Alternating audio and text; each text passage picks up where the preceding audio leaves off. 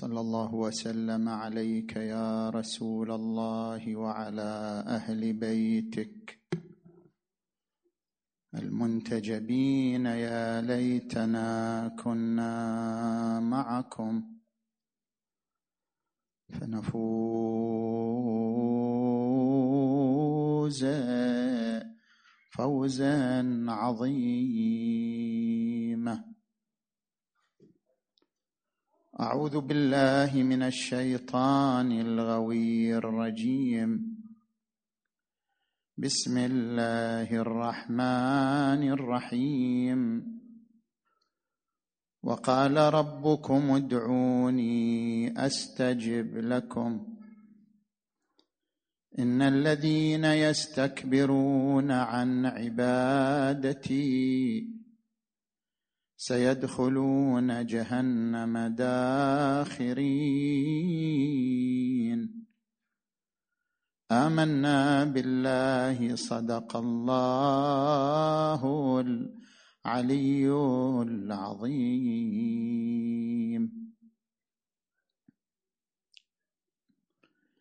انطلاقا من الآية المباركة نتحدث في محاور ثلاثة. في حقيقة العبادة وفي فطرية العبادة وفي درجات العبادة. نأتي إلى المحور الأول. ما هي حقيقة العبادة؟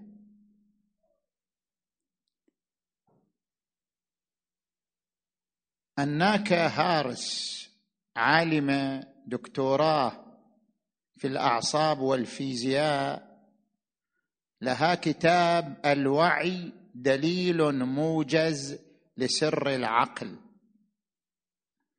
في هذا الكتاب تفسر لنا ما هو الوعي. هناك كائن واعي وهناك كائن غير واعي. الإنسان كائن واعي. الحجر كائن غير واعي. ما هو الوعي؟ الوعي هو القدرة على التمييز. يعني مثلا الإنسان عندما يجلس من النوم أول ما يجلس من النوم ما يميز ما حوله. هو يدرك أن هناك أشياء حوله. إنسان سرير باب نافذة. يدرك أن هناك أشياء حوله لكنه لا يميزها. ما هي هذه الأشياء؟ ما هذا؟ وما ذاك؟ التمييز بين الأشياء يعبر عنه بالوعي. اذا عندنا إدراك وعندنا وعي. فرق بين الإدراك والوعي. أنا أدرك أن الناس أمامي. لكن الوعي أن أميز هؤلاء الناس. هذا يعني فلان ذاك يعني فلان. اذا الوعي هو القدرة على التمييز وليس الوعي مطلق الإدراك. لذلك العبادة هي نوع من الوعي. العبادة هي شعبة من الوعي.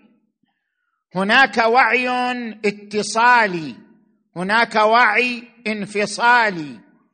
أنا عندما أدرك نفسي أدرك أن نفسي مستقلة عن الآخرين. أنا شيء وأنت شيء والوالد شيء والأم شيء والزوجة شيء. عندما أدرك نفسي منفصلا عن الآخرين هذا يسمى وعي انفصالي. لكن عندما أدرك أنني جزء من الآخرين مثلا الأم عندما تأخذ طفلها الرضيع وتضعه على صدرها وترضعه من لبنها هنا الأم ما تعيش وعي انفصالي تعيش وعي اتصالي يعني تشعر أن هذا الولد جزء منها وهي جزء منه. وعيها متصل به إحساسه متصل بها. بينها وبين هذا الولد نوع من التواصل. لذلك تشوف الأم أكثر المخلوقات احساسا بالأولاد. الأم دائما تفكر في هذا الولد. صورته في ذهنها. دائما تقلق على صحته. تقلق على وضعه تقلق على مرضه. بعبارة أخرى الأم تعيش حالة استغراق في ولدها. كافي بعد الأم تعيش حالة استغراق في ولدها. دائما تفكر فيه في صحته في طعامه في غذائه. استغراق الأم في ولدها يسمى وعي اتصالي.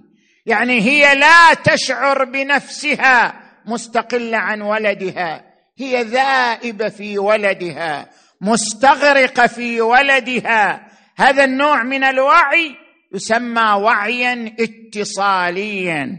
زين؟ ففرق بين أن أعي بنفسي دون غيري. هذا وعي انفصالي.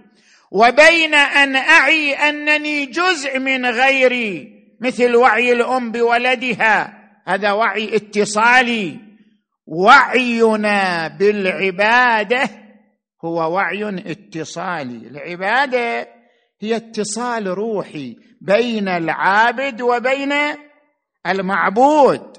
العبادة هي ارتقاء نفسي ترتقي النفس إلى مجالات متسامية وتتصل روح الإنسان بذلك الخالق الأتم تبارك وتعالى.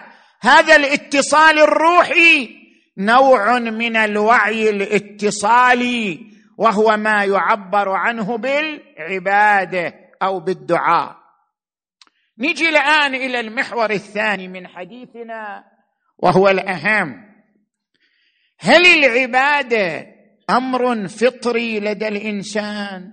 يعني الله تبارك وتعالى عندما كلفنا بالعبادة قال وما خلقت الجن والإنس إلا ليعبدون. وقال تبارك وتعالى وقال ربكم ادعوني أستجب لكم. إن الذين يستكبرون عن عبادتي عبادتي مطلوبة واجبة. إن الذين يستكبرون عن عبادتي سيدخلون جهنم داخرين. الله عندما طلب منا العبادة هل طلب منا شيئا يوافق فطرتنا؟ أو طلب منا شيء لا ينسجم مع طبيعتنا؟ هل العبادة تنسجم مع طبيعة الإنسان؟ هل العبادة تتلائم مع فطرة الإنسان؟ أم أن العبادة شيء ثقيل على الإنسان ثقيل على فطرة الإنسان ثقيل على طبيعة الإنسان؟ لا العبادة شيء ينبع من داخلنا شيء ينبع من فطرتنا شيء ينبع من كياننا الإنساني. لذلك الله ما كلفنا شيئا ثقيلا ولا كلفنا شيئا مغاير لطبيعتنا أو منافر لفطرتنا. هو شيء فينا موجود. شيء ينبع منا اسمه العبادة. كيف؟ كيف تكون العبادة منسجمة مع فطرتنا وطبيعتنا؟ الآن أذكر لك مقالات ثلاث تؤكد أن العباده جزء منا من طبيعتنا. نجي إلى المقالة الأولى. المقالة الأولى مقالة علمية. دقق فيها لتعرف كيف أن العباده منسجمه مع الطبيعة منسجمه مع الفطرة. أندرو نيوبرغ هذا عالم عالم أعصاب. أستاذ في جامعة بنسلفانيا هذا العالم الكبير له كتابان مترجمان إلى اللغة العربية. كتاب كيف يغير الله عقلك؟ وكتاب الله والدماغ. كتابان يتحدثان عن فطرية العبادة. وأهمية العبادة بالنسبة إلى فطرة الإنسان. طبعا الكاتب هو مو متدين ولكن يتكلم بلغة علمية يتكلم بلغة أكاديمية وإن كان هو غير متدين. أقام خمسة عشر سنة خمسة عشر سنة هو يقيم بحوث علمية على دور العبادة في دماغ الإنسان. كيف تأثر العبادة على دماغ الإنسان. خمسة عشر سنة يركز على بحوث حول دور العبادة في دماغ الإنسان. شنو توصل نتيجة هذه البحوث؟ وكتب هذين الكتابين كيف يغير الله عقلك الله والدماغ. توصل في هذين الكتابين إلى أن العبادة تعيد إلى الدماغ حيويته وقدرته على ممارسة وظائفه الطبيعية. اللي يعبر عنها هو بالحصانه الذاتية. يقول الدماغ وظيفته الأساسية حصانة هذا الجسم أن يعطي لهذا الجسم حصانة ذاتية. الدماغ يستعيد وظيفته وهي الحصانة الذاتية من خلال العبادة من خلال ممارسة العبادة. كيف؟ الآن أشرح لك. هناك منطقة في الدماغ. هذه المنطقة يعبر عنها بالتعبير العربي منطقة التربيط الشكلي. منطقة التربيط الشكلي في الجزء الخلفي من الدماغ. هذه المنطقة هي بمثابة تصوير. تصور دائما حالة الإنسان. لها طرف أيسر لها طرف أيمن. الطرف الأيسر يصور جسمك ثلاثي الأبعاد. يعني أنت جرب بينك وبين نفسك أغمض عينيك وأشر بعينك إلى جسمك. ماذا ترى؟ هنا منطقة التربيط الشكلي تقوم بدورها. الطرف الأيسر كانه يقوم بصورة بصوره كاميرا. يصور لك جسمك ثلاثي الأبعاد وأنه يشغل حيزا من الفراغ. والطرف الأيمن من هذه المنطقة يقارن بين جسمك وبين الأجسام الأخرى في نفس اللحظة.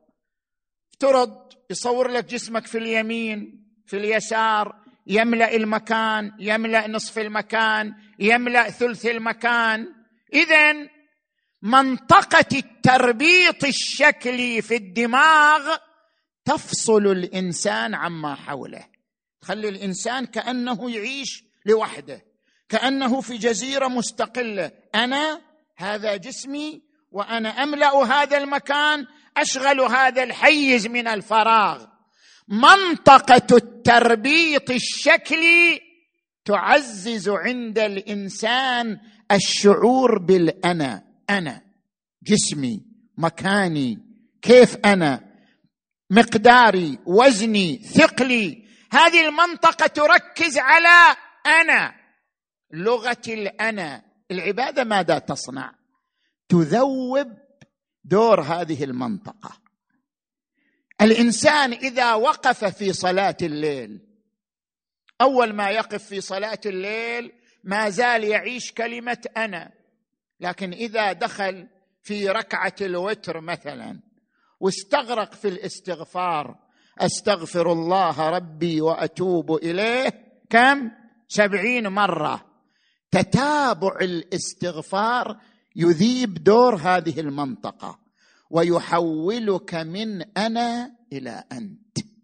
أنت تخرج من وعي انفصالي إلى وعي اتصالي.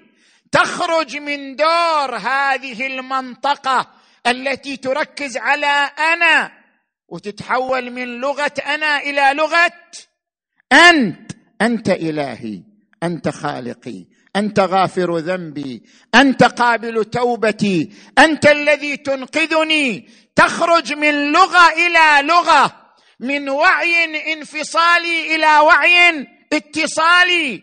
كنت قبل أن تدخل الصلاة قبل أن تمارس العبادة قبل أن تمارس لغة الدعاء قبل أن تمارس الاستغفار. كنت تفكر في نفسك فقط أنا. الآن لا. بعد أن دخلت في حالة من الاستغفار صرت تفكر في شيء آخر اسمه أنت أيها الإله أيها الخالق أيها العالم القادر الحي. اذا العبادة تنقلك من عالم إلى عالم ومن لغة إلى لغة تتابع هذه الطقوس يحولك إلى عالم آخر. لذلك يقول نيوبرغ في هذا الكتاب الله جزء من دماغنا. إيش معنى الله جزء من دماغنا؟ يقول أدمغتنا إحنا البشر أصلا خلقت بطريقة يعيش الله فيها. خلقت بطريقة بنيت بطريقة الله جزء منها. بنيت بطريقة على أن تنتقل إلى الله تبارك وتعالى في حالة توجه وحالة استسلام وحالة صعود. لذلك العبادة تعزز أداء الدماغ بوظيفته تعزز شعور الإنسان بأن هناك قوة أخرى مرتبط بها ينقاد إليها يتضرع إليها. اذا العبادة ليست شيئا بعيدا عن فطرتنا ولا عن طبيعتنا إنما هي تحولنا من لغة إلى لغة من عالم إلى عالم. زين؟ هذه المقالة الأولى. نجي إلى المقالة الثانية. المقالة الثانية أن العبادة بنظر العرفاء تحويل الفقر الوجودي إلى فقر روحي. شنو الفرق بين الفقر الوجودي والفقر الروحي؟ الآن أشرح لك. نحن كلنا نعيش فقر وجودي. هل تملك طاقة لا محدودة؟ هل تملك علم لا محدود؟ هل تملك قدرة لا محدودة؟ ابدا. علمك محدود. طاقتك محدودة حياتك محدودة قدراتك محدودة. اذا أنت فقير. شئت أم أبيت. أنت محاط بالفقر والنقص من كل جهاتك. علمي ناقص قدرتي ناقصة حياتي ناقصة قوتي ناقصة. أنا محاط بالنقص والفقر من جميع الجهات. يا أيها الناس أنتم الفقراء إلى الله والله هو الغني. أنت فقير. هذا الفقر كيف تحوله؟ العبادة هي أن تحول فقرك من فقر وجودي إلى فقر روحي. أن تمارس لغة الفقر. العبادة أن تمارس لغة الفقر أن تمارس لغة الحاجة. أنت قبل العبادة تشعر بشنو؟ بالطغيان. وأنا تعيش نوع من الضخامة. العبادة تجبرك على أن تمارس لغة الذل لغة الفقر لغة الحاجة لغة النقص. فأنت تحول الفقر الوجودي إلى فقر روحي. لاحظوا هذا الضوء ضوء المصباح مرتبط بالطاقة الكهربائية. ارتباط ضوء المصباح بالطاقة الكهربائية يسمى فقر يعني الضوء مفتقر إلى الطاقة. أنت أيضا مفتقر إلى الله. افتقار هذا الضوء للطاقة الضوئية للطاقة الكهربائية. أنت مفتقر إلى الله. حول هذا الفقر إلى كلام. حول هذا الفقر إلى لغة حول هذا الفقر إلى إحساس. دعاء الإمام الحسين يوم عرفة يعلمنا هذا التحول. اللهم إلهي أنت القوي وأنا الضعيف أنت العزيز وأنا الذليل أنت العالم وأنا الجاهل أنت الخالق وأنا المخلوق أنت وأنا أنت وأنا. هذه اللغة هي عبارة عن تحويل الفقر الوجودي إلى فقر روحي. أن تمارس لغة الفقر أن تمارس لغة الحاجة أن تمارس لغة الذل. هذه اللغة هي لغة العبادة. إن الذين يستكبرون عن عبادتي سيدخلون جهنم داخرين. اذا العبادة تحولك من لغة إلى لغة أخرى. كلا إن الإنسان لا يطغى أن رآه. استغنى. ترى إحنا نعيش ضخامة. نعيش ضخامة مزيفة. نعيش ضخامة بالألقاب. والله أنا دكتور بروفيسور أنا آية الله أنا العلامة أنا فلان. إحنا نعيش ضخامة ضخامة في الألقاب. هذه الضخامة كلها تذوب عندما يقف الإنسان بين يدي الله. العبادة تذيب هذه الضخامة المزيفة وتجعلك تقرأ حجمك الواقعي. أنت عندما تقف أمام الله تعرف حجمك ما هو. أنت عندما تقف أمام الله تقرأ نفسك قراءة واقعية. تعرف حجمك الواقعي. حجمي الواقعي أنني مخلوق ضعيف فقير محتاج ناقص ذليل. عندما تريد أن تقرأ حجمك الواقعي فتعبد ارتبط بالله تبارك وتعالى. العبادة تعرفك حجمك الواقعي القرآن الكريم يقول إنما الحياة الدنيا لعب ولهو وزينة وتفاخر بينكم وتكاثر. ليش الإنسان يحب الكثرة في الأموال؟ ليش الإنسان يحب الكثرة في الأولاد؟ لأن الكثرة في الأموال والأولاد تعطيه نوع من التضخم ذاته تتضخم. الانسان اللي عنده شركات وعنده عقارات وعنده أموال يشعر بضخامة ذاته. صار وجوده واسع من خلال شركاته وأمواله. الإنسان الذي يمتلك أولاد متعددين يشعر أن وجوده طويل لأنه حتى لو مات سيبقى في أولاده سيبقى في ذريته. الإنسان يشعر بالكثرة والسعة عندما تكون له أموال وأولاد وتكاثر في الأموال والأولاد يبقى الإنسان مشغول بهذه الكثرة إلى أن يأتي يوم يعرفه أنه ليس كثير ألهاكم التكاثر؟ حتى زرتم المقابر. لما جاء الموت اكتشفت أنك وحيد ولست كثير. كنت تظن أنك كثير. بأموالك وأولادك. جاء الموت عرفك واقعك. أنت وحيد ولست كثير. ولقد جئتمونا فرادا كما خلقناكم. أول مرة انت عدت إلينا وحيد وليس كثير. إذا أردت أن تعرف واقعك وأنك لست كثير بل أنت وحيد. فاعرفه من خلال العبادة. عندما تقف بين يدي ربك تذوب الكثرة وتتجلى الوحدة وتعرف أنك لا مفر لك إلا إلى إلهك. اذا العبادة نقل الفقر الوجودي إلى فقر روحي. هذه مقالة الفلاسفة. زين؟ تيجي الآن إلى المقالة الثالثة. مقالة علماء النفس. علماء النفس أيضا يركزون على العبادة. العبادة هي تلقين إحساسي. التلقين عندنا على قسمين. تلقين نفسي وتلقين إحساسي. أنت من تروح لأي واحد استشاري في الطب النفسي يقول لك أهم الأدوية والطرق للعلاج التلقين النفسي. إحنا عندنا تلقين نفسي وعندنا تلقين إحساسي.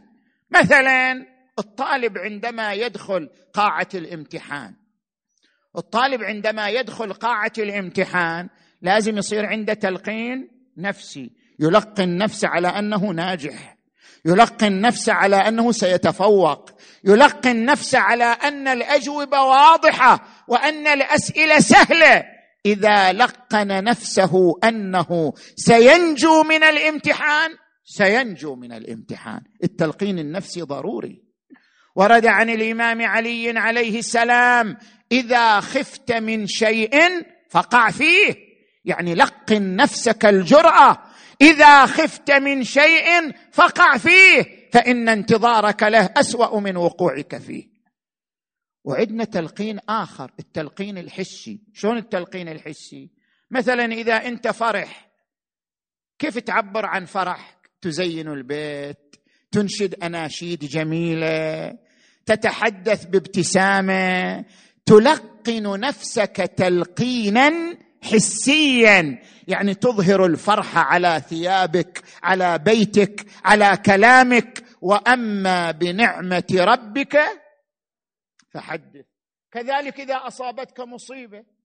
يعني الآن إحنا عندما نحتفل بذكرى الحسين عليه السلام نلطم نبكي نصرخ هذا يسمى تلقين حسي. يعني نلقن أنفسنا بالحزن تلقينا حسيا متجسدا في أفعالنا وارتباطاتنا وسلوكنا. هذه عملية يقررها علماء النفس. ضرورة التلقين الحسي. العباده نوع من التلقين الحسي. ترى العباده مو رياضة فقط ركوع وسجود. العبادة تحول ذاك الشعور الداخلي إلى عملية حسية من خلال ركوعك وسجودك ودعائك. قد أفلح المؤمنون الذين هم في صلاتهم خاشعون. نظر الإمام علي إلى رجل يصلي وهو يعبث بلحيته.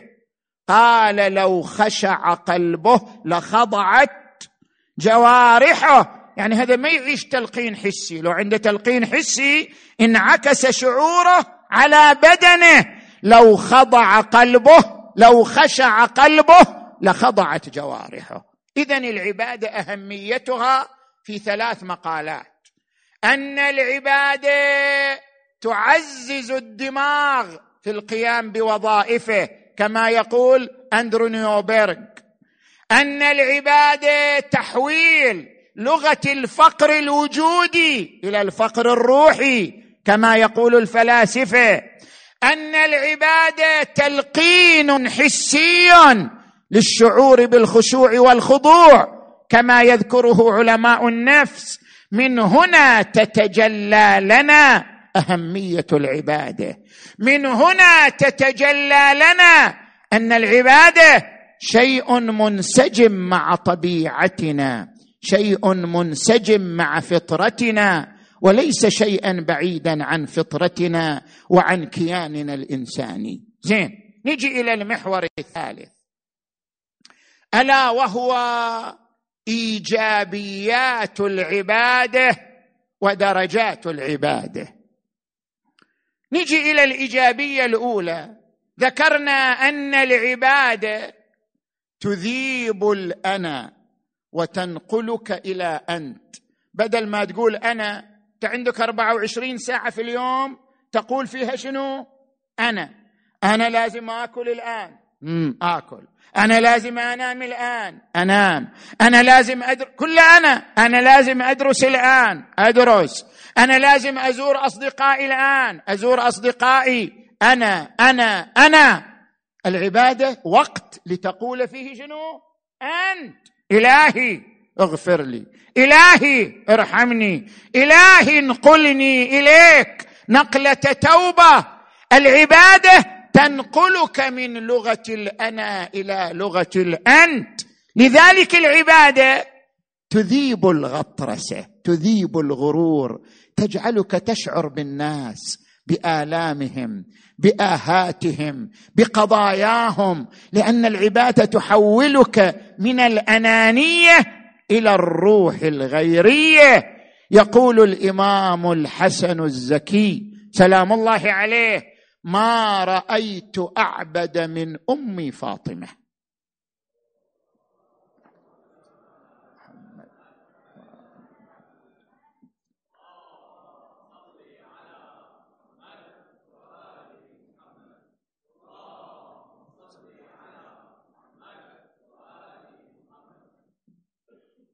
الإمام الحسن عاش مع امه خمس سنين. يعني ما أدرك أمه إلا خمس سنوات. لكنه يمتلك ذكريات كثيرة عنها لأن هو الولد الأكبر فعاش معها فترة أطول والتصق بها أكثر من بقية إخوانه لذلك يحمل عليها يحمل عنها ذكريات عظيمة. عندما يتحدث عن أمه الزهراء ما يقول أمي كانت تصرخ أو تعول أو مثلا تولول ابدا ماذا يقول عن أمه؟ ما رأيت أعبد من امي فاطمة. كانت إذا قامت في محرابها ليلا لا تنفتل قدماها من طول الوقوف بين يدي ربها حتى تتورم قدماها. مستغرقة. ما عندها لغة أنا كل لغة أنت. تستغرق في الله تذوب في الله إلى حد أنها تنسى نفسها لا تنفتل من صلاتها حتى تتورم قدماها من طول الوقوف بين يدي ربها. بعد وما رأيتها دعت لنفسها قط. شوف لغة أنت. ما عندها لغة شنو؟ لغة أنا. ما تدعو لنفسها. لا تفكر في نفسها وما رأيتها دعت لنفسها قط. وإنما تدعو للمؤمنين والمؤمنات. أقول لها اماه فاطمة لم لا تدعين لنفسك؟ لم لا تقولين اغفر لي ارحمني ارزقني؟ لم لا تدعين لنفسك؟ تقول بني حسن الجار ثم الدار. تربي ولدها على الروح روح العطاء روح البذل. تربي ولدها على أن يفكر بالآخرين قبل أن يفكر بنفسه. تربي ولدها على الروح الغيرية لا على الروح الأنانية لأن العبادة هي تربية على الروح الغيرية وخروج من الأنانية. هكذا كانت السيدة الزهراء صلوات الله وسلامه عليها. تجي إلى درجات العباده الإمام علي عليه السلام يتحدث عن درجات العباده إن قوما عبدوا الله رغبة فتلك عبادة التجار.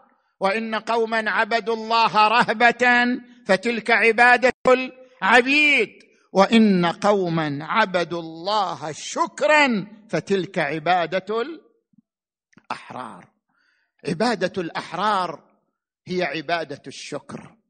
عبادة الأحرار تنقسم إلى ثلاث مراتب.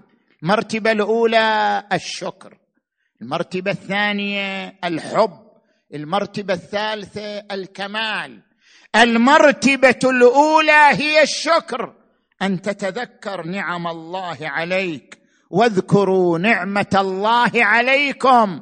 وقال وإن تعدوا نعمة الله لا تحصوها. وقال هو أسبغ عليكم نعمه ظاهرة وباطنة. متى فكرت في نعم الله؟ تحولت إلى إنسان شكور. والإنسان الشكور من يعبد ربه الرسول محمد.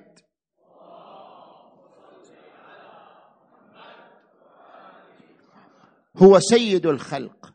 ولكن في النصف الثاني من شهر رمضان يربط الحزام على بطنه ليتحمل الجوع ولا يفتأ من العبادة ابدا. فيقال أنت أشرف الخلق أنت رسول الله لماذا تجهد نفسك في العبادة؟ فيقول أفلا أكون عبدا شكورا. ألا أستحي من ربي؟ اذا عبادة الشكر هي درجة أولى من درجات عبادة الأحرار. الدرجة الثانية عبادة الحب. عندما تتصور أن الله يحبك يدفع عنك البلاء. يمدك بالصحة يمدك بالرزق يتعامل معك بالرأفة والرحمة.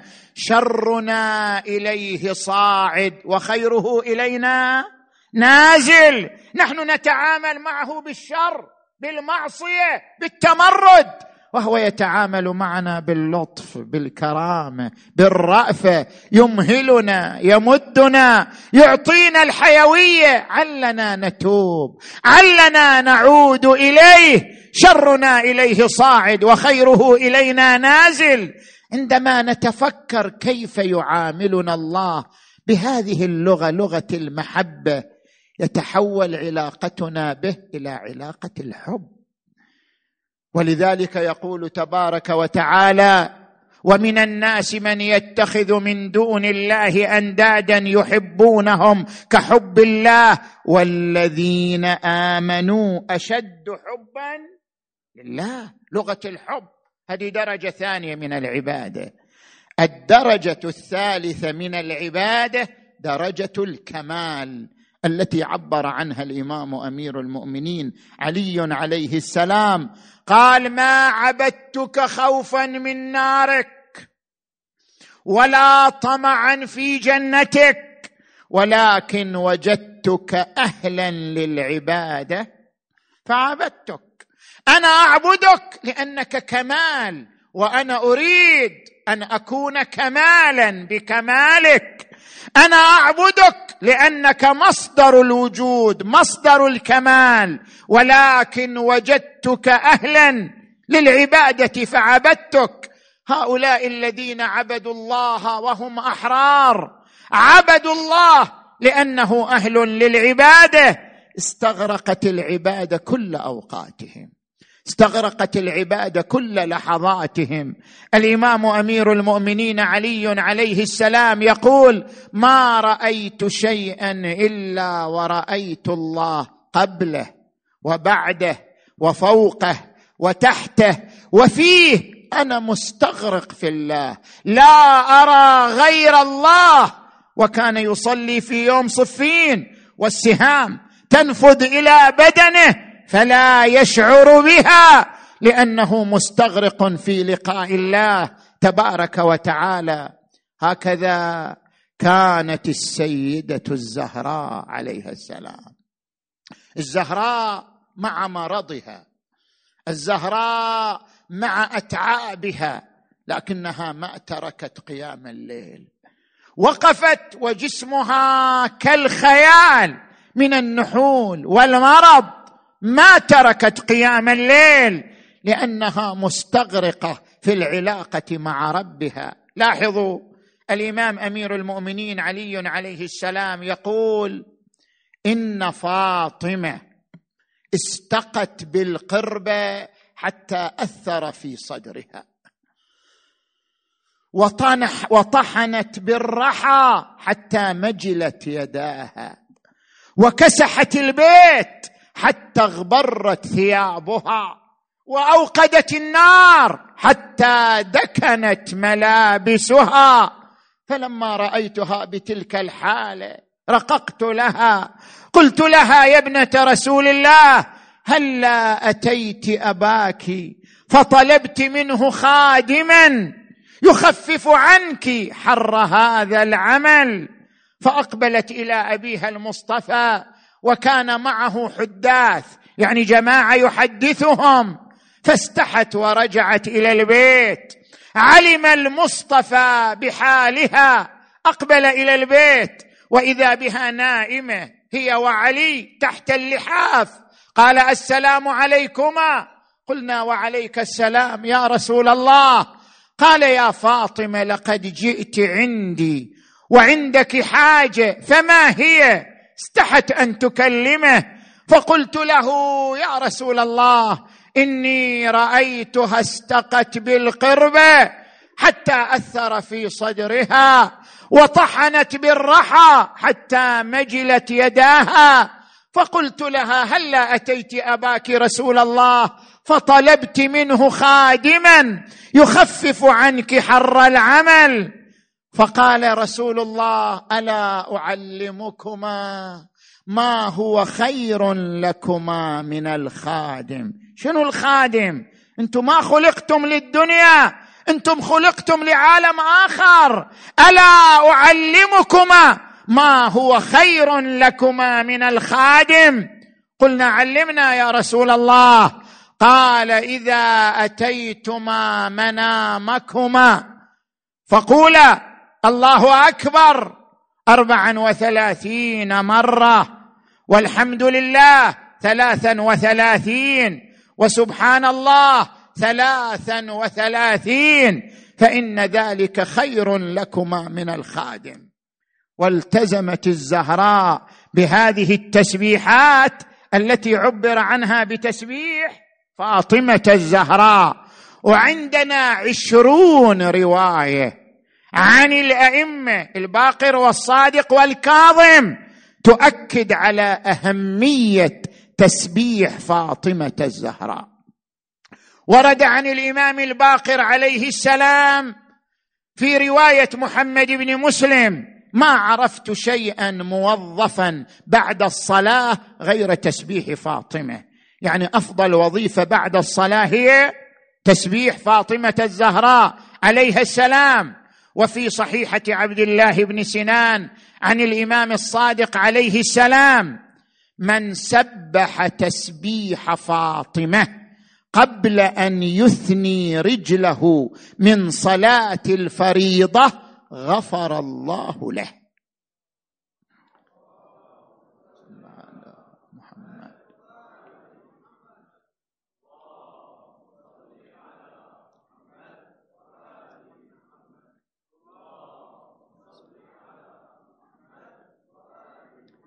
لاحظوا التعبير قبل أن يثني رجله. يعني قبل ما تشتغل بأي شغل آخر اولا تسبيح فاطمة.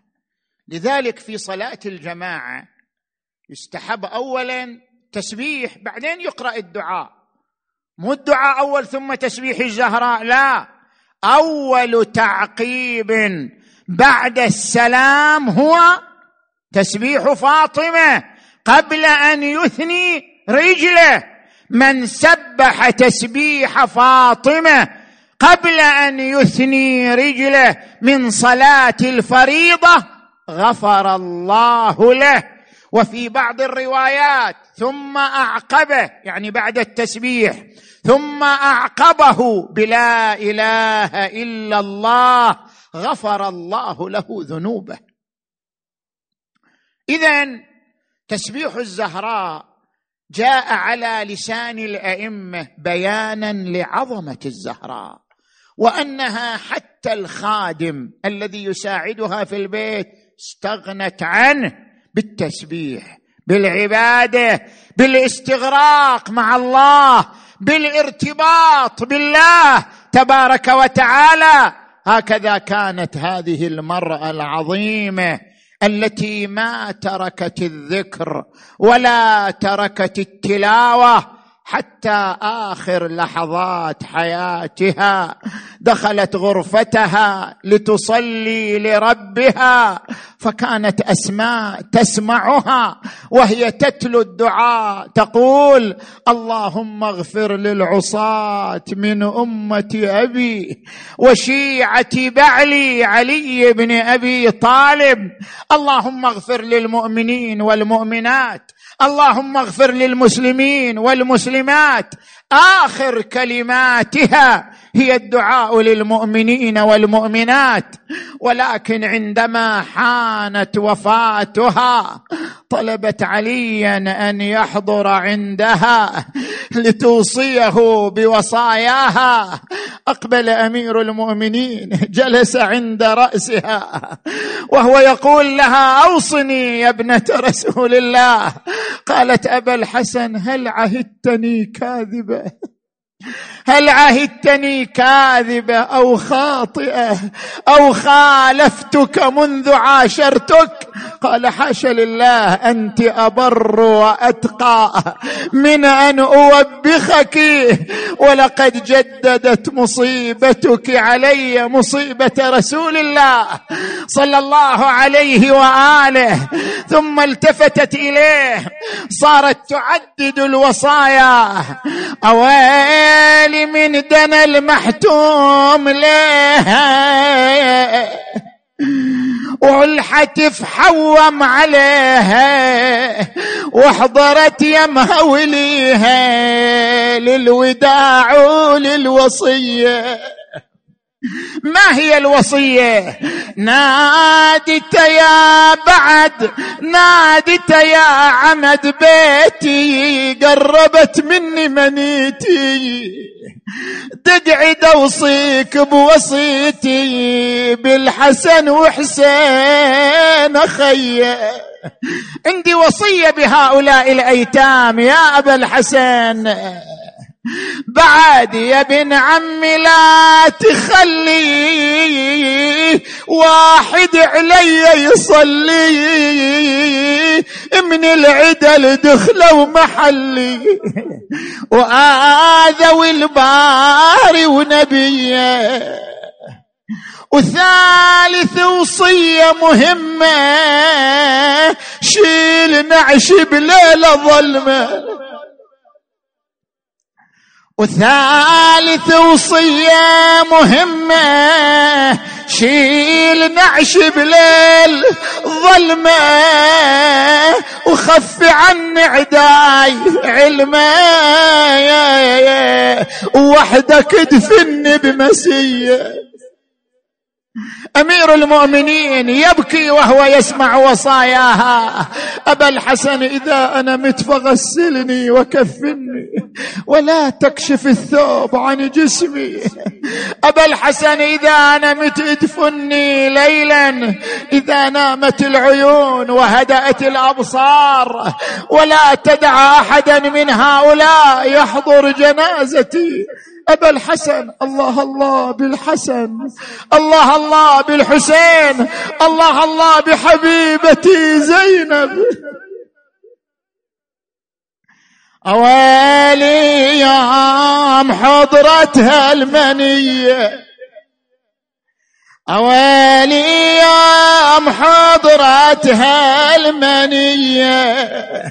حضار عندها الوصي بوقت الوصية. دق قرب يا بعد العين لي قرب منها ومن عين الدمع خار. شنو الوصية؟ ماذا قالت له؟ تقول له تراني الطاهرة ولو غسلتني. تراني طاهرة ولو غسلتني. أريدك لا تمس ضلعي ومتني ماذا سيرى يا فاطمة؟ تراني طاهرة ولو غسلتني أريدك لا تمس ضلعي ومتني أخاف يذوب قلبك من شفتني. هل رأى علي شيئا عندما غسلها؟ هل رأى علي شيئا عندما أراق الماء عليها؟ بلى بلى ما زال يغسلها وإذا به يجلس ويضع رأسه بين رجليه ويبكي. ما يبكيك يا أبا الحسين ها؟ يقول له ابن عباس أتأمروننا بالصبر وتجزعون عند المصيبة؟ ماذا جرى؟ قال والله ما كنت أدري ما عندها. قال ماذا رأيت؟ قال إنني لما وضعت المصباح عند وجهها رأيت لطمة على عينها.